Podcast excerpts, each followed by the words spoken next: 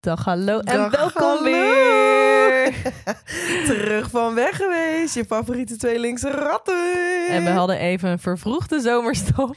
Zeker, wat even vervroegd eh reces.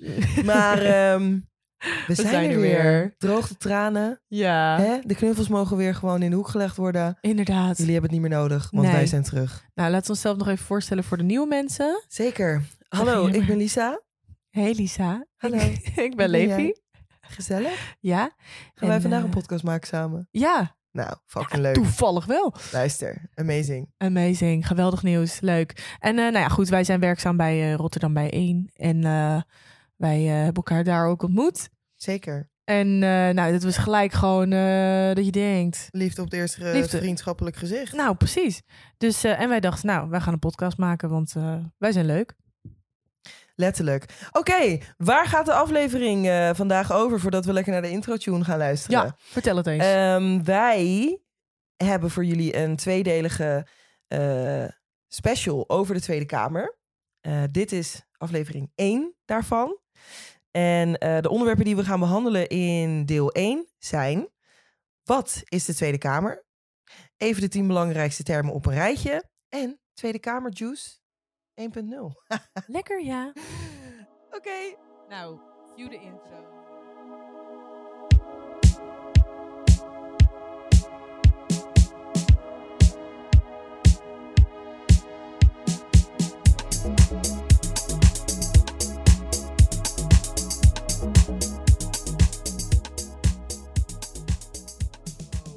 Oh, oké.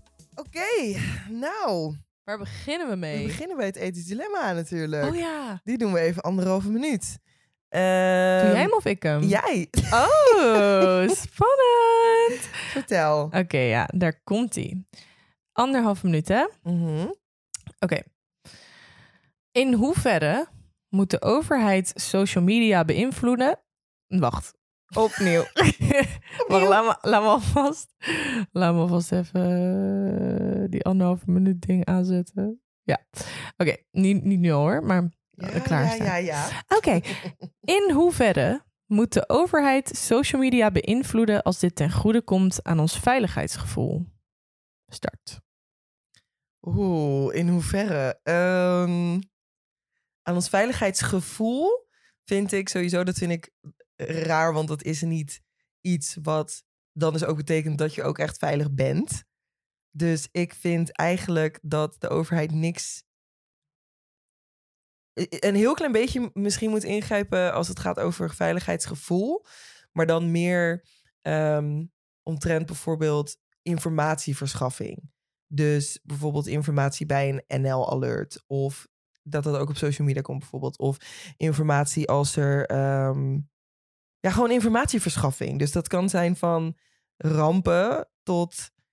ehm, hey, er is een nieuwe minister of zo, weet ik veel. Gewoon zo van, oké, Mhm. dan, eh, dan krijg je daar gewoon informatie over. Maar ingrijpen, oh, ik vind het moeilijk, want nogmaals, veiligheidsgevoel is niet ehm, dat je dan ook echt veilig bent. Dus ik vind het een beetje gekkig, want what would it do? Ja, snap ik. Oké, wacht, wacht, ik zet hem heel even op pauze. Ja, Top. Ik denk ook dat ze misschien ook een beetje bedoelen van dat er, dat bijvoorbeeld je, nou, hoe heet het nou? De- die- bijvoorbeeld het algoritme wat je hebt. mhm, mhm. Dat is natuurlijk, dat wordt beïnvloed door wat je kijkt. ja. Ehm, maar stel je zit in een alt-right pipeline, bijvoorbeeld, dan is het misschien ook fijn dat de overheid misschien eh, jouw algoritme enigszins zou kunnen beïnvloeden dat je wat minder in een Ja. pipeline zit. Maar ja, is aan de andere kant, dat is natuurlijk ook weer, dan ga je dus wel infiltreren in wat in de vrijheid van mensen op het internet. Precies. En start de tijd weer even. Oké, je hebt nog. eh, nou, 15 seconden. Oké, Kijk, als je er niet uitkomt, dan ga ik, Ik ga het gewoon zeggen. Ah, Oké, start. Ik ben het daar niet mee eens. Hoe graag ik ook zou willen dat niemand meer in een alt-right pipeline valt, ehm, ben ik het er toch niet mee eens dat de overheid daar dan zeg maar toezicht eh, in, gaat infiltreren en dan zeg maar van... "Ah, Oké, ja toch. Ik kan het niet zo goed uitleggen, maar De tijd. dat was de tijd. nou, laat ons vooral weten wat jullie ervan vinden. Ehm, want ik ben wel benieuwd eigenlijk. Want ik vind dit echt Ja. een lastige. Bedankt Ja. voor het eh, dilemma. Ja, geen enkel probleem. Nee, weet je wel.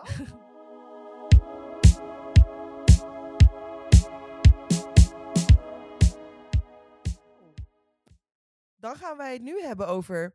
Wat is nou precies die Tweede Kamer Ja. der Staten-Generaal, wij Ja. je wel? Want we wilden inderdaad we wilden hem een beetje gaan inleiden voor de mensen die misschien net iets minder thuis zijn in politiek.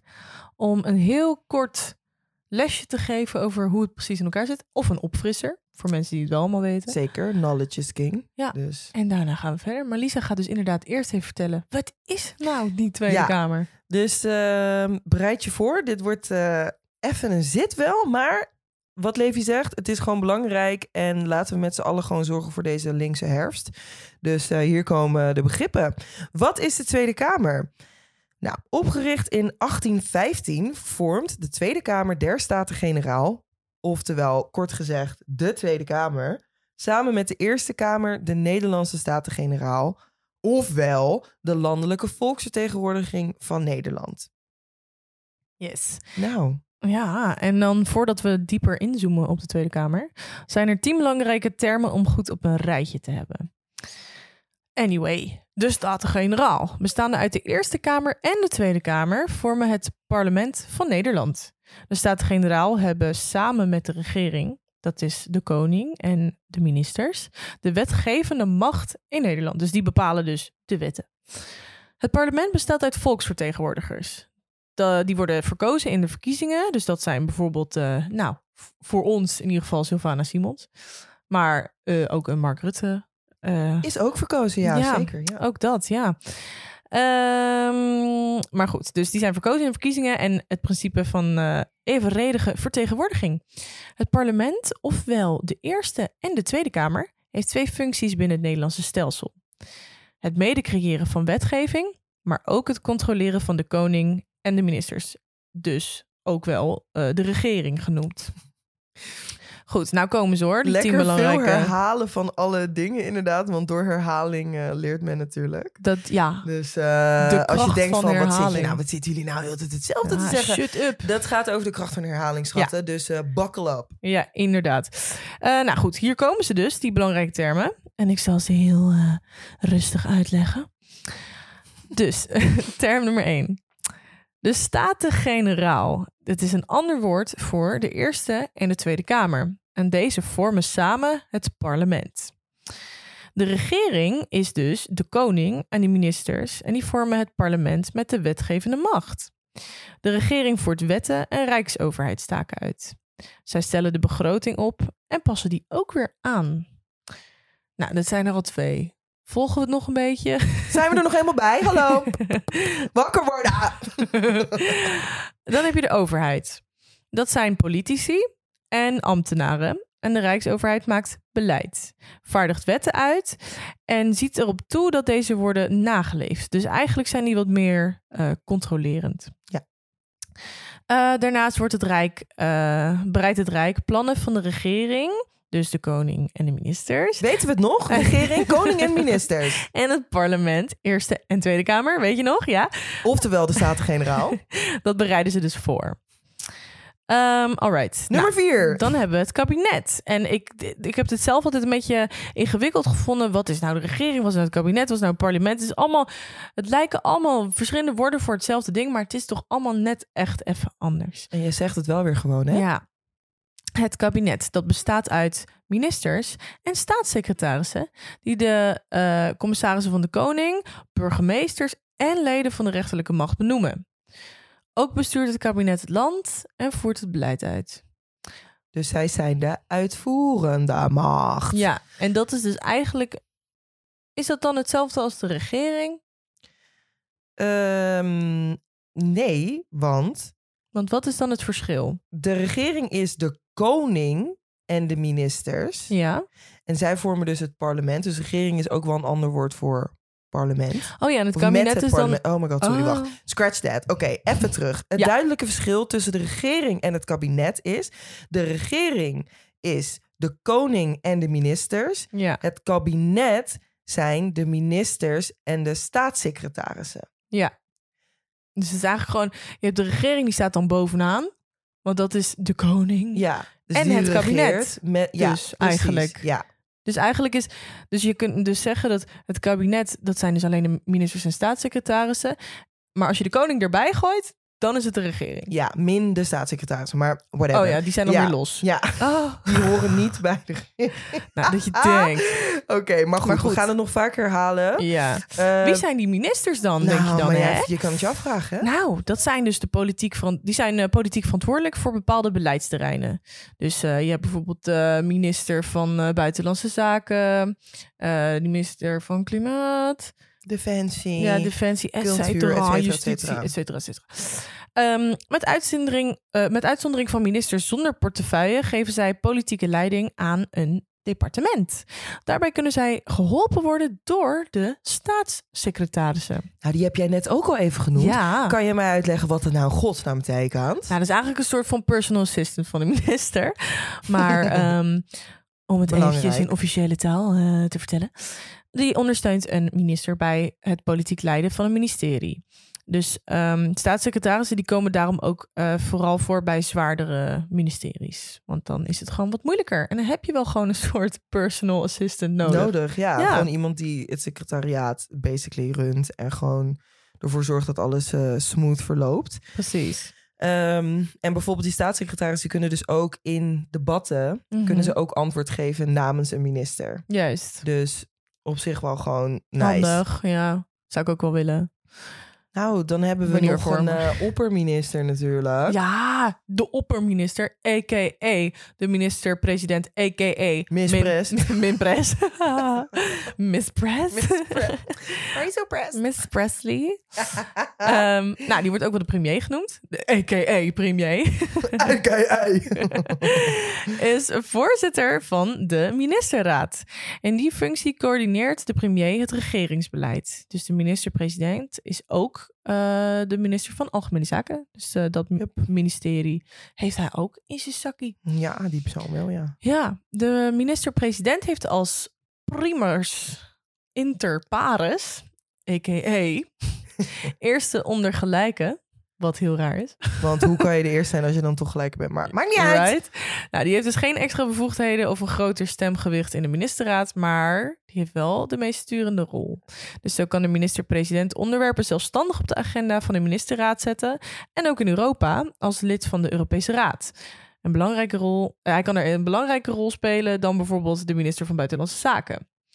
Dus de premier. Hashtag besef. Nou, maar dat dus. Dus eigenlijk is hij gewoon een beetje het visitekaartje van de regering. Zeker, algemene zaken. Maar dan zou je denken Ja. van ja, dat je nergens dus echt een doorslaggevende soort van stem. Dat heeft hij dan ook niet, maar een soort van. Maar dat zou ook wel moeten eigenlijk, denk ik. Nou, het is meer van.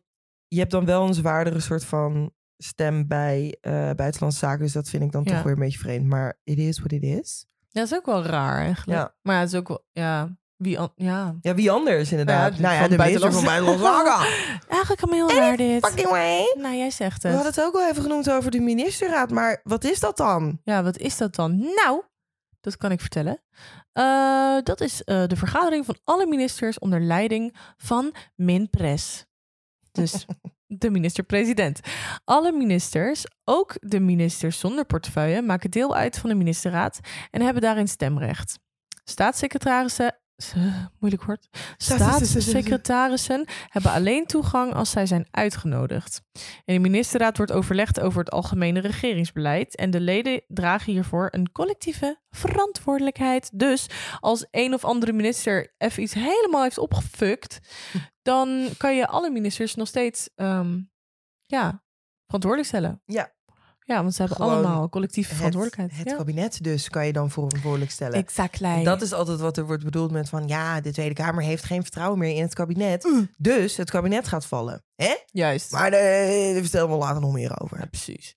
Goed, dan maar heb wat je... zijn dan die ministeries, weet Ja, je wel? Dat is dan ook weer een hele belangrijke vraag. Nou, ministeries, ofwel een departement, is een afdeling van een overheid waar het beleid van de regering wordt voorbereid en uitgevoerd. Aan een ministerie wordt leiding gegeven door een minister. Nou, dat is eigenlijk wat we net dus allemaal een beetje aan het vertellen zijn. Is dat bijvoorbeeld, je hebt het ministerie van Justitie, Buitenlandse Zaken, et cetera. Dat zijn dus al die departementen en al die onderdelen waar gewoon een soort eh hoofdmeneertje of mevrouwtje of eh, non-binary person. rondloopt. Inderdaad. en die gaat er dan allemaal over. Lekker, ja. Ja. Bas, Bas move. Nou, en dan komen we aan bij de laatste term. Term nummer 10. Ja, daar gaan we. De commissaris van de koning. Gezellig. Ja, heel leuk. Die is in Nederland de voorzitter van het College van Gedeputeerde Staten en van provinciale staten van de provincies. En is als zodanig ook het gezicht van het bestuur van de provincie. Zeker. Ja, Dus we hebben er 12. Gezellig. ja. Dat is even Want leuk. we hebben twaalf provincies. Dat klopt. en in de even een funny side note, wat ik las tijdens het vooronderzoek hiervoor, dat in Limburg eh, benoemen ze de commissaris van de koning ook tot gouverneur van eh, Limburg. Oh, hè? Ja, omdat dat Oh één keer God. soort van is gebeurd vroeger. Ja? Pin me niet vast op de, de, de tijden of Mhm. de, het jaartal, maar volgens mij, volgens mij las ik ergens in 1800. Ja. Aangezien de Tweede Kamer bestaat sinds 1815. Anyway. ehm, en dat vond ik wel grappig of zo. Van, want dat, dat klinkt toch beter als Gouverneur. co- commissaris van de koning. Van what does it even really mean? Ja, dat, dat hebben wij nu verteld. Hello, maar Gavna. Hello, Kafna! Nee, maar dat is een beetje zoals in Amerika. Nou is dat hele kiesysteem daar natuurlijk heel anders. Maar Ja. meer van governor. Weet je wel? Toch Ja. leuk. Lijkt, Klinkt lijkt mij wel leuk. Governor van Zuid-Holland. commissaris van de koning. Dat klinkt... Ja, gouverneur Ja, van de is koning is wel... Ja, of gewoon, of gewoon governor dus. Want dan denk je, Ja. oké, ja, leuk, schattig. Anyways, dat waren de tien geboden. Nee, ik bedoel tien belangrijkste termen op De een plagen. rijtje.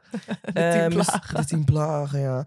Eh, misschien is het een goed idee als wij deze eventjes, eh, als de aflevering uit is. Ja. Ehm, dat is niet ten tijde van opname nu. Nee, Maar dat we die eventjes als een social media post ook doen. dat is Want dan kunnen mensen het gewoon ook meelezen, zeg maar. Dat Ja, werkt want altijd wel goed. Bij zulke droge stof, jawel.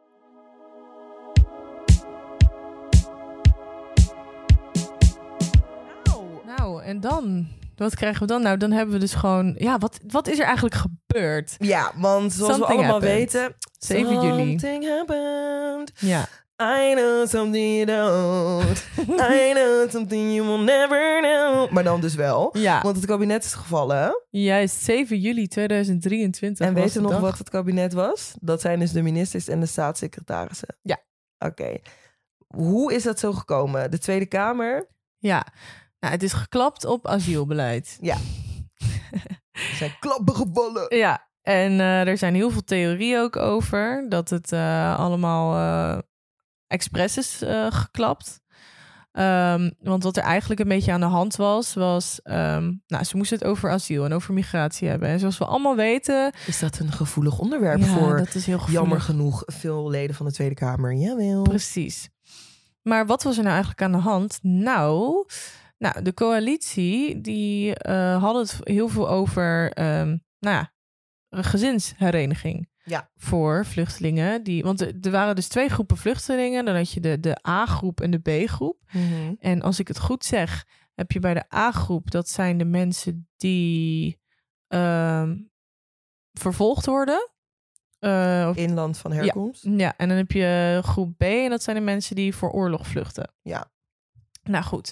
Ehm, voor groep B wilde, ehm, nou, Marky Rutte, Mr. Mark. De inmiddels demissionair minister-president. Ja, oh ja, ja. Nou, het is inderdaad nu een demissionair. Mhm. Dat is ook belangrijk om te weten. Het is demissionair, omdat het is gevallen.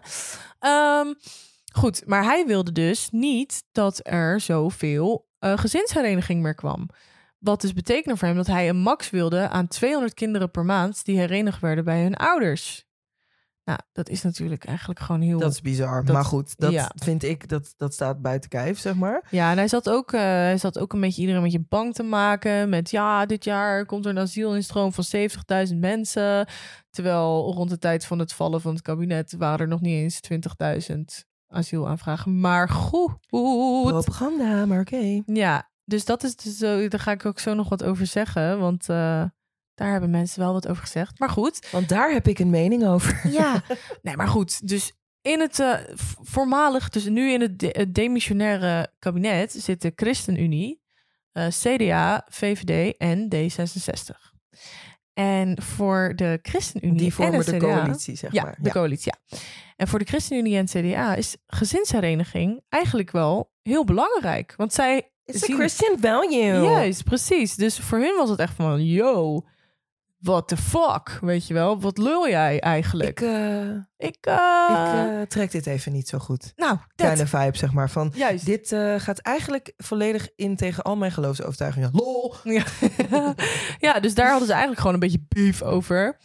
Ehm, maar goed, wat er gebeurde was ook dat er gewoon heel veel mensenrechten werden geschonden als dit zou gebeuren. Nou goed. En weet je wat ook eh, dus eigenlijk, dat, dat is dus wat ik wilde zeggen, is dat het, wacht even, ik ben even afgeleid door Joa. Hey Joa, wil je even een cameo maken? Joa, ga maar weg. Ja. Ehm dit is wel weer leuk geweest. Eh, ja. Oké, anyway. Dus, ehm, nou goed. Dus wat ik net zei is dat... ehm, De gewoon- ChristenUnie en de Ja. CDA dachten van... luister, this goes one step too far. exactly. En Mm. er werden ook gewoon mensenrechten geschonden. Ja. Want gewoon internationale mensenrechten. Maar wat dus eigenlijk ook wel heel tactisch is geweest... wat ze dus waarschijnlijk ook denken... en wat ik eigenlijk ook wel een beetje denk... Tactisch van wie? van de VVD... Ja. Ja, dat is misschien wel goed om te weten Ja, over, wie- over wie dat dan gaat. Tactisch van Joa Ja. of... eh, weet je wel? Daarna zat het stikstofbeleid op de eh, planning. Mhm. En eigenlijk werd er al gedacht dat het daarop zou gaan klappen. Ja. Ehm, en het ding was dus, de BBB staat daar natuurlijk heel erg sterk in. Ja. Dus als het dan zou klappen, dan had de VVD dat niet kunnen gebruiken, als het ware, voor hun verkiezings, eh, voor hun campagne. Mhm. Wat ze dus met asiel wel kunnen gaan doen. Dus ze gaan, let maar op, ze gaan heel erg, ze gaan Mark allemaal, our words! ja, ze gaan het allemaal heel erg gooien op migratie. Mhm. Dat wordt echt hun, hun, hun ding. Weet je wel? een Hun, campagne Ja. Letterlijk. Wij gaan ervoor zorgen dat er minder migratie Geen is. migratie in En de minder stroom. Wees maar niet bang. Eh, wij bouwen een muur. Nou, Build that wall. nou, dat dus. Kind of vibe. Ja. Eh, dus dat is heel tactisch dat ze het daarop hebben laten klappen. Ja, want Ehm. nu hebben zij een troef achter de hand. Hoe zeg je dat? Hè? Die ze gewoon kunnen, gewoon een joker die ze gewoon zo Ja. op tafel kunnen leggen. Ja. Zo van, oh ja, Kiki kaka. kiki de kiki de kiki de kaka de kaka de ka. Kijk ons, wij gaan lekker door op dit beleid. En, eh, want daar zijn jullie allemaal bang voor. Dus eh, stem op ons. Want in deze onzekere tijden moeten we natuurlijk, moeten we natuurlijk niet eh, ineens, hè? Nee, van Nee. Ons, onze rechtse liberale waarden afdoen. Nou, maar dat dus. En dus dat gaan ze inderdaad gewoon lekker inzetten. Speciaal voor die rechtse rakkers die ook gewoon geen enkel persoon het licht in oog gunnen. Anywho. En jij zegt het wel weer, hè? Ja.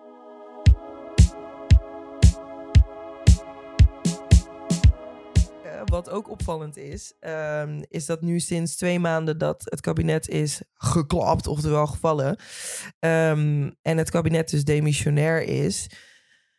Wat trouwens betekent dat ze dus kunnen doorregeren, want het land moet alsnog wel geregeerd worden, totdat er nieuwe verkiezingen zijn. Nou, Ja. gelukkig soort van, zeg ik voorzichtig, zijn de verkiezingen in november, 22 november. Ja. Zet het in die agenda. maar ehm, dus tot die tijd regeren ze wel, want nou ja, wat ik zei, het land moet gewoon bestuurd worden. Ja. Alleen mogen er dus geen nieuwe onderwerpen op de agenda komen. Als ze dat willen, dan moet daar eerst over gestemd worden. Nou, moeilijk. We will spare you those details. Ja. Maar het betekent dus gewoon dat we een kabinet hebben wat eigenlijk geen nieuwe dingen kan aannemen tot de verkiezingen. Omdat er geen vertrouwen meer was in hen. Dus weet je wel, van Ja. skur.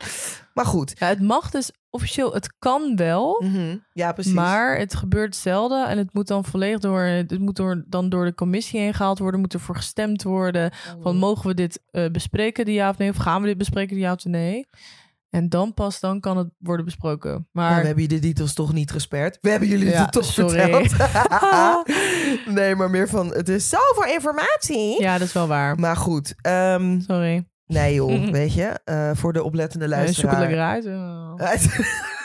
Als je niet wil luisteren, dan luister je toch lekker niet. Nee, die zit je toch uit. Niemand dwingt jou, hè? Nee. Nou goed, wat dus zo opvallend is, eh, is dat er heel veel Kamerleden, Tweede Kamerleden, ontslag hebben genomen. Ja. Ik ben So zo like, what is happening there? Ja, wat, wat denk jij wat er aan de hand is? Want we hebben daar namelijk nog niet echt iets van gehoord. Van Nee. wat is nou de reden dat? Sorry hoor, heel even rechtop zitten. Luister, lekker doen. Ik denk dat er gewoon ehm, drama is in de Kamer. Ja? ik denk dat heel veel ehm, nu ex-Kamerleden Ja.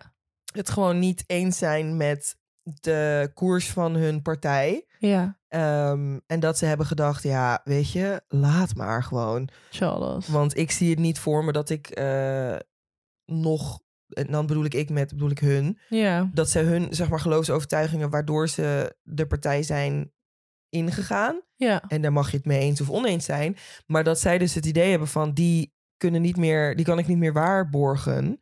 Ehm, en ik ben misschien de enige uit die hele partij, dus dan stap ik maar op. Ik denk Ja? persoonlijk dat dat aan de hand is. En waardoor zou dat dan... Wat, wat is er dan veranderd in de afgelopen twee en een half jaar? Ja. ehm, Waarom dat dan... Hoe ze dan opeens zo anders zijn geworden in de koers van de partij? Nou, misschien omdat bijvoorbeeld ehm, ze erachter zijn gekomen van, ja, ik heb het dan bijvoorbeeld over ja 21. Ja. Ehm, daar las ik een artikel over dat ze zeiden, ja, het, het, het rechtse, whatever, het middenrechtse soort van beleid Mhm. valt niet meer uit te voeren. Omdat, omdat er intern gewoon heel veel verschillen waren over verschillende meningen over hoe dat beleid dan uitgevoerd moet worden. Ja. Basically hoe de grondbeginselen van zo'n partij als Ja 21 Ja. dan dus in de praktijk uitgevoerd worden. Daar, daar zijn gewoon meningsverschillen over. Mhm. En dat die persoon dus na 2,5 jaar dacht, luister, Ik, zeg ik leef die tabé. strijdbel in en ik zeg, tabé. ja, en good riddance. Maar weet je van, ja. kiki kaka. Kiki kaka. Ehm, dus dat denk ik. Ik denk dat dat ook aan de ha- hand is bij andere partijen. Dat Wat denk, jij? Ja, ik zit ermee. Ja, ik denk dat er sowieso iets speelt met een belachelijk hoge werkdruk. Ja. Eh, Ja. Want ik heb eigenlijk van de meeste ehm, Kamerleden, of nou, ik demissioneer Kamerleden in ieder geval, ehm, heb, ik, ah, heb ik gezien dat ze gewoon nergens meer tijd voor hadden. En Ja. dat ze hun familie misschien één keer konden zien in de zoveel tijd, maar hobby's was er niet meer bij. Eh, je zit daar van 's ochtends tot 's nachts. Ja. Eh, er zijn genoeg mensen. Volgens mij heeft een kwart die heeft beveiliging zelfs nodig. ja. En ja, ik kan me best wel voorstellen dat dat zo zwaar weegt. Maar ik had ook wel gelezen dat Nederland sowieso de kortst zittende ehm, Kamerleden hebben van heel Europa. En dat het he- eigenlijk dus helemaal niet zo heel gek is dat er zoveel mensen af en toe Stoppen. stoppen. Ja. Want dat is gewoon een beetje hoe het werkt bij ons. En dat, dan vraag ik mij dus weer af, hoe komt het dan dat Nederlandse Kamerleden eigenlijk maar zo kortzittend zijn allemaal? Ja. Wat maakt het bij ons zoveel zwaarder? En Dat zijn hele goede kamervragen. ja, en ik denk zelfs eigenlijk, want dat is eigenlijk een volgend puntje waar we misschien ga ik nu iets te snel door, maar ik vind het wel een mooie nee, aansluiting. ik zeg, eh, sla die brug, je wel. Nou, ik sla gewoon een partij. Ja, die is eigenlijk moeten die bewaren voor de volgende aflevering. Maar het was wel een mooi bruggetje. Maar de- weet je wat? Ik zeg een klein stukje en dan leggen we dat later wel Is uit in de ja. volgende. Maar Volt en ChristenUnie die hebben een initiatiefvoorstel eh, ingeleverd Mhm. eh, om de Kamer met meer zetels te krijgen. Dus van 150 zetels naar 250 zetels. Ja. En ik denk En dat dat is een een hoop... initiatiefvoorstel? Nou ja, dit, dat hebben ze gedaan. Ik weet niet precies hoe dat er helemaal uitziet, maar dat hebben ze gedaan. Ik wil niet te veel vertellen, want die is eigenlijk voor de volgende aflevering. Maar- tipje van de sluier? Een tipje van de sluier is, nou, wat ik dus net zei, is we hebben nu 150 zetels. Ja. En zij willen dus 250 zetels. En dat willen ze, en dat vind ik eigenlijk helemaal niet verkeerd, Mhm. is omdat we hebben die zetels, 150 zetels, hebben we sinds 1956 Mhm. uit mijn hoofd. Toen we 11 miljoen Ja, Nederlanders hadden. juist. Inmiddels hebben we er 18 miljoen. Bijna 18 miljoen. Ja. En nog steeds hetzelfde aantal zetels. Nou, dat is natuurlijk eigenlijk helemaal geen goede vertegenwoordiging. Nee, want die Tweede Kamer vertegenwoordigt het volk zogenaamd. Nou, Dus als jij meer zetels gaat eh, neerzetten, Ja. dan heb je misschien ook een minder hoge werkdruk. nou dat, dat, dat mag ik hopen, ja. Nou, in Daar ga ik eigenlijk wel van uit. Ja, het Dus is ja. geen slecht idee. Maar goed, dus ja, wij vinden het een goed idee. Ja. Waarom precies en wat nou precies entails, Ja. ehm, hoor je in eh, onze Tweede. Kamer special 2.0.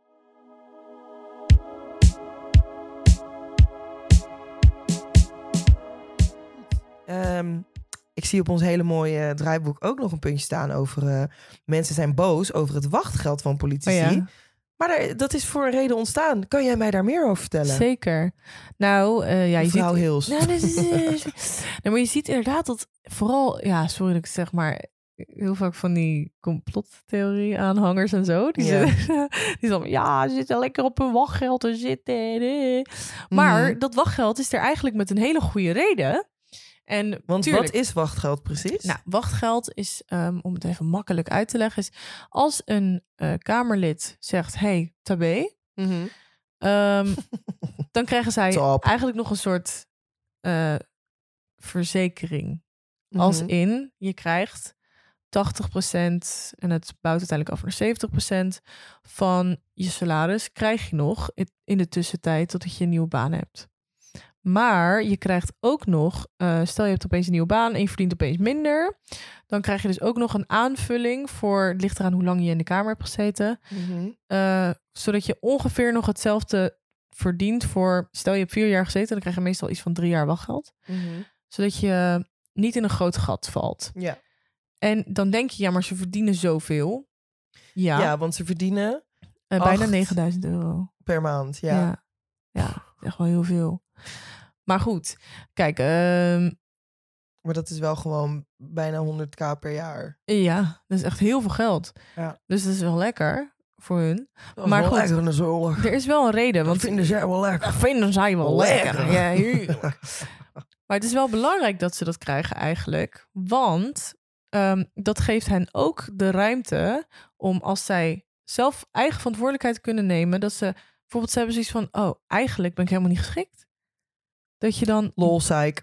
ja, maar dat je dan dus ook de mogelijkheid hebt om te zeggen, hé, hey, ik ga zonder dat, het, zonder dat je gelijk in een gigantisch gat gaat vallen. Ja. Dus dat is eigenlijk om ervoor te zorgen dat dus de optie vrij is Ja. dat een Kamerlid dus zelf kan, Kan zeggen, zeggen, van luister te B, het was lachen, maar ik ken het helemaal niet eigenlijk. juist, want als je dat wachtgeld niet krijgt en je bent een Kamerlid en je denkt ik doe het eigenlijk helemaal niet goed, Ja, ja, dan ga je misschien ziek melden ja. En dan Ja. blijf je heel lang niet meer aanwezig en, En dan, krijg je nog steeds hetzelfde geld. worden, zeg Juist. maar. Ja. Dus het is eigenlijk dus, Eh, dus ja, ja, en dat is een situatie die je wil proberen te voorkomen. Ja. Dus eigenlijk, eh, als je het ons vraagt, eh, ja, ja, het is veel geld. Daar zouden we het over kunnen hebben. Ja. Maar dat het er is, het fenomeen, Ja. zijn wij het ermee eens. juist. Het En- krijgt de stempel of approval van Links en Ratten, de podcast. Exactly. Exactly. En ze moeten trouwens, ze moeten trouwens ook eh, eh, solliciteren. Ze hebben een verplichting dat ze binnen drie maanden eigenlijk een baan moeten vinden. Ja, precies. Dus ehm, ja, Het, zal Het is niet dat ze als op je een vier- luie Nee, precies. Het zal niet dat als je vier eh, jaar erin hebt gezeten en dat je dan, ik zeg maar wat, hè, en dat je Ja. dan eh, de, dat, het- dat het tot drie jaar duurt voordat je. Anywho. Ehm, laten we overgaan tot eh, het volgende juice puntje.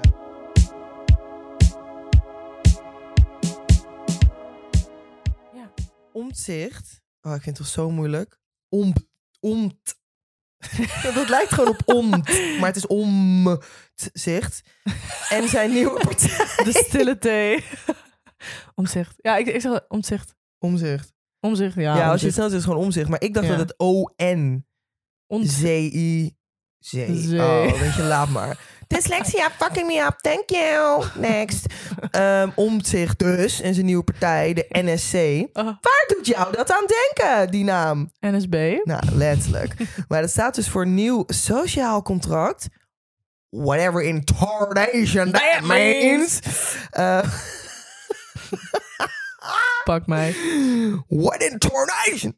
Eh, mensen die denken dat ze er goed aan doen om op omzicht te stemmen, eh, beseffen zich niet ehm, hoe hij überhaupt in de CDA is gekomen. Ja, dat, daar zat hij natuurlijk eerst. Hè? En hij, Ja. hij is die mannetje van eh, die dude. die dude van eh, functie elders. Oh, zielig, zielig, zielig. Nee, maar, maar, maar, maar. maar. Nou, helemaal niet zielig. Want Ja, hij heeft natuurlijk ook wel de... Hè? Van de, van, de, van de toeslagenaffaire en zo. Dat heeft hij allemaal een beetje naar boven gehaald. dat heeft hij zeker Dus daar gedaan. heeft hij ook heel maar daar veel heeft hij sympathie en... eh, zeker, maar daar heeft hij wel hulp bij gehad. En zeg maar, Absoluut. de enige persoon van kleur die daarbij heeft geholpen, die is niet bedankt. Nee. Bijvoorbeeld door het NRC. nee. En hij en die andere Chiquita Bonita wel. Juist, ja. Typisch. Dat was iemand van Denk. Sorry, ik ben even je naam vergeten, maar dat, zij waren met z'n drieën. Ja. En hij is dus, die van Denk is niet bedankt. Lol. Maar de twee witte Nou. mensen wel. Typisch! Dat je denkt. What in tornation! Maar goed, hij staat dus nu heel hoog in de peilingen. Omdat iedereen denkt, oh... Oh, onzicht. Ja. Voor onzicht. Letterlijk. Maar hoe hij in de CDA is gekomen is juist door zijn traditionele en confessionele denken vanuit het ka- katholieke geloof. Dus hij wa- was Terwijl daar door echt... zijn engnekkenbek. Nou ja, nou, hij was echt de perfecte kandidaat voor een christelijke eh, partij. Ja. En volgens mij beseffen niet heel veel mensen zich dat, dat, dat hij dat nog steeds is. It's still the Ehm, same man, weet je wel. Ja, en hij gooit het een beetje op dat hij tegen het heersende individualisme is, weet je wel. Maar hij is ook wel heel erg paternalistisch. Ja, dus zeg maar heel erg van gewoon man rule the world en eh deel er maar mee. Ja. Traditionele gedachtegoed. Want Ja. zeg maar ja, zeg maar het is één ding om tegen die hyper-individualism Ja. van tegenwoordig door globalisering, hè, even klein is zoals Logiel is, Ja. eh, te zijn. Want in, ja, snap je? Dat is één Ja. ding. Maar als je tegelijkertijd zeg maar zo'n overduidelijke ehm, geloofs, zeg maar religie aanhoudt. Ja. En dan kan je bij jezelf gaan denken, maar wat zijn dan de traditionele waarden van die, die religie? Ja. En dan denk ik dat we wel een beetje kunnen concluderen, zeg ik voorzichtig. Dat het heel confessioneel is. ja, en dat hij dus gewoon terug wil naar zeg maar die... Terug naar vroeger. Vroeger was alles beter. Lekker Precies. gewoon vrouwtje thuis. lekker 50. eh, die mijn bammetje smeert voor werk. Ja, nou, eh, lekker, dat man. wij jullie niet meer uit Ja, leggen, als ik maar- terugkom van werk wil ik gewoon dat een paar eh, eten op tafel gewoon staan. een pakje om vijf uur, eh, eh, Ja, eh, ja. eh, ja, Ja. Claudette en... eh, Ja, dan wil ik dat mijn wijf, eh, als ik zin heb in seks, dan eh, moet Ja, die, gewoon eh, eh, klaar voor staan. Ja, je ja, ja, ja, eh. ja, ja. Face down ass up. Anyways, that's Anywho. getting a little bit too explicit for my taste. Ja. Maar ehm, basically, luister lieve mensen, onzicht gaat jullie niet redden. Nee. Do better. You can do better. Sowieso, het Ja. begint, het begint en eindigt eigenlijk bij mij al. En that's just me personally. Ehm, NSC, really? Ja, kom op. Like, NSB. like, be very fucking for real right now. Heb je al verteld waar het voor staat? Ja, trouwens? nieuw sociaal Oh, contract. ja, ja, ja, ja. Maar Ja. ook zo'n nieuw sociaal contract, ja, dan ga ik ook weer denken van, ja, want woorden hebben natuurlijk... Maar je bent ook niet socialistisch. Dus hoe bedoel Nee, je? dus zeg maar van, wat bedoel je sociaal contract? Ja, ik Ja, denk dan does it sociaal mean? contract terug naar de, de zuilen. Nederland met zuilen. Oh. Zeg maar dat die ontkerkelijking geont wordt Ja. door onzicht. Zo van, ontkerkelijking door onzicht wordt omgedraaid. en dat we dus wel weer dat hebben. Dus met, met die katholieken en weet ik het allemaal. zoals eh, zuilen nou. Mindig anroepen, nein, danken. En hij lijkt eigenlijk... hij- Volgens mij heeft hij heel veel gemeen met eh, Caroline Vanderplas. Ja, zeker. Want als je naar zijn ook. stemgedrag kijkt in de Tweede Kamer, dan stemt hij heel erg voor moties van de SGP en BBB. Ja. Nou, eh, take your conclusions daaruit, no, lieve thank mensen. you. Eh, denk even na een seconde, dankjewel, hashtag besef. Oké, nou, ik zou zeggen, laten we overgaan tot de laatste juice. Ja. Voordat we natuurlijk de raadshunk gaan vertellen, maar hè? Nou, Wopke Hoekstra. Ja. Wopke Hoekstra. Webke. Ja. Wopke Hoekstra. Ja, die vent, die eh, is gewoon een baantjesjager eigenlijk. Die naam, Hoekster. Die- Waar komt die van in? Hij komt Komt natuurlijk... die de Uit- provincie? Komt, hij komt uit Griek, Griekenland. nee, ik had uit Friesland, toch? Wopke Pythagoras. Oh. Nee, maar Wopke. Giros. Wopke Hoekst. Wopke Giros op de hoek. Anyway. Anywho. Ja, goed. Hij is gewoon een baantjesjager. Hij, ehm, hij wordt eurocommissaris klimaat. And why is that weird, you may ask? Nou, deze man, deze beste man, heeft gewoon bij Shell gewerkt. Dat je denkt, Dat de gordijn hangt. wat wil een vent die bij Shell heeft gewerkt doen voor het klimaat? You cannot make this up. Ik vind het echt...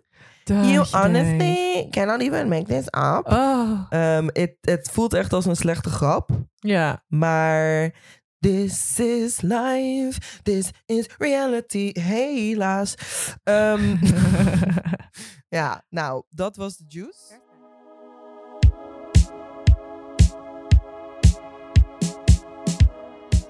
Shout-out naar Delano. Sowieso, Delano, gekste knettertje ever. Delano, we love you. Je bent super goede support, love you. Love you. Oké. Anywho. Any Laat, fucking way. laten we dat erin of niet? Ja, wel. Oh, fuck it. toch? Leuk als hij luistert. Als hij het niet heeft afgeluisterd, dan, kunnen- dan weten we dat dus. Want dan gaat hij niet iets daarover zeggen. Wee, joh, dit is echt... You're Dit is echt wel een goede trick. Om te kijken wat hij gaat zeggen. Um, anyways, Het is tijd. lieve dame, ik ben bang dat het eh, tijd is voor eh, Het raadsunk-segment. jullie favoriete segment natuurlijk. hè? Ja. Nou, ehm, de, co- de commissie wilde ik zeggen. Nou ja, ook soort van. Maar de Raad in Rotterdam is weer lekker eh, terug van reces. Tweede Zeker. week, tweede... Zo. Oh. Maakt niet uit. Tegen de tijd dat dit uitkomt is het alweer langer. Maar Ja. we zijn er weer hoor. Ja, lekker. Lekker op uh, Koolsingel nummer 40. Pum, pum. En ehm, zoals jullie misschien wel hebben meegekregen... is er een wethouder afgetreden. Ja, En ehm, daar is nog wat al, nogal wat om te doen. er is er een Dus, eh, ja, dus eh, daarom is je wethouder Jeet maar waarom is wethouder Jiet?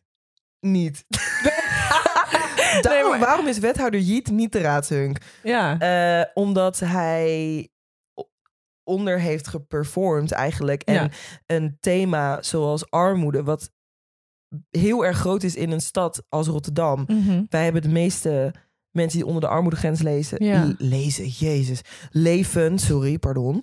Ehm, van de vier grote steden, dus Amsterdam, Ja. Utrecht, Den Haag en Rotterdam.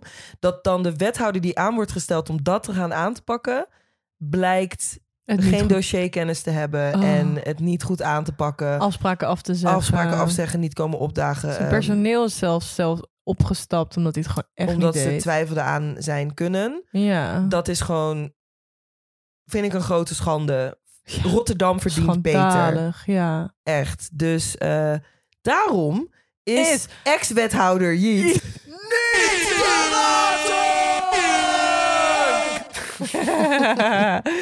Ehm, maar wie dan wel? zo, sorry, ik kan niet meer grunten. Ehm, ik kan niet meer grunnen. grunten gaat mij niet goed af vandaag. Nee. Eh, maar ja, wie is dan wel de raadshunk? Ah, dat is de vraag, ben ik bang. Nou, dat gaan we Nou. jullie vertellen. We gaan even luisteren naar een stukje Ja. van eh, burgerraadslid van Rotterdam bijeen, Amara van den Elst. De huurprijzen in de huidige woningmarkt, collegegeld, studieboeken, kleding en alle rekeningen die daarnaast nog betaald moeten worden. Een bijbaantje is niet genoeg om deze kosten te dekken. En ook jongeren die maximaal lenen komen vaak nog steeds in de knel. Terug bij de ouders intrekken is voor veel jongeren geen vanzelfsprekendheid. Hun ouders wonen te ver weg van de studie of door de thuissituatie is het simpelweg geen wenselijke optie om terug te gaan. Jongeren weten vaak niet dat ze recht hebben op financiële steun. En als ze het wel weten, dan is het een grote stap om hulp te vragen bij het aanvragen van deze steun. Als je hebt gevochten voor je zelfstandigheid, is het moeilijk om toe te geven dat het niet alleen lukt. Hier komt schaamte bij kijken. Daarom is het belangrijk dat dit college zelfstandige jongeren tegemoet komt en de hand uitreikt. Inkomensbeleid is aan het Rijk voorbehouden, maar de gemeente Rotterdam kan wel helpen door te investeren in educatie over toeslagen, bijstand, budgetteren, schuldhulpverlening, etc. Dit kan in de vorm van lessen of workshops, dit kan via nieuwsbrieven op scholen, via aanbod van veilige en discrete één-op-één gesprekken met een expert, hulpvolle links verspreiden via social media kanalen. Daarnaast kan deze groep jongeren ook meegenomen worden in de automatisering en de centralisering van hulp waar we het nu al vaker over hebben gehad. Nou, dat was enerverend. En eh, ik denk dat we niet letterlijk niet hoeven uit te leggen waarom zij dus. eh,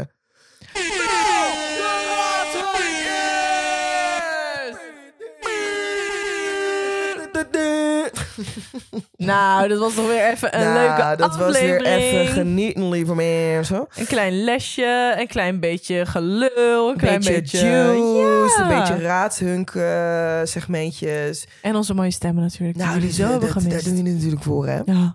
Oké, lieve mensen, dat was hem dan voor deze eh, eerste aflevering van de tweedelige Tweede Kamer Special. ja, nou volg ons lekker op de socials. Zeker. Dat zijn, eh, vertel maar. Dat, nou, we zitten op TikTok, Instagram en Twitter. Ja, X, op is dus X. Oh my god. eeuw. Instagram, X en TikTok. Zo, ik moet echt nadenken.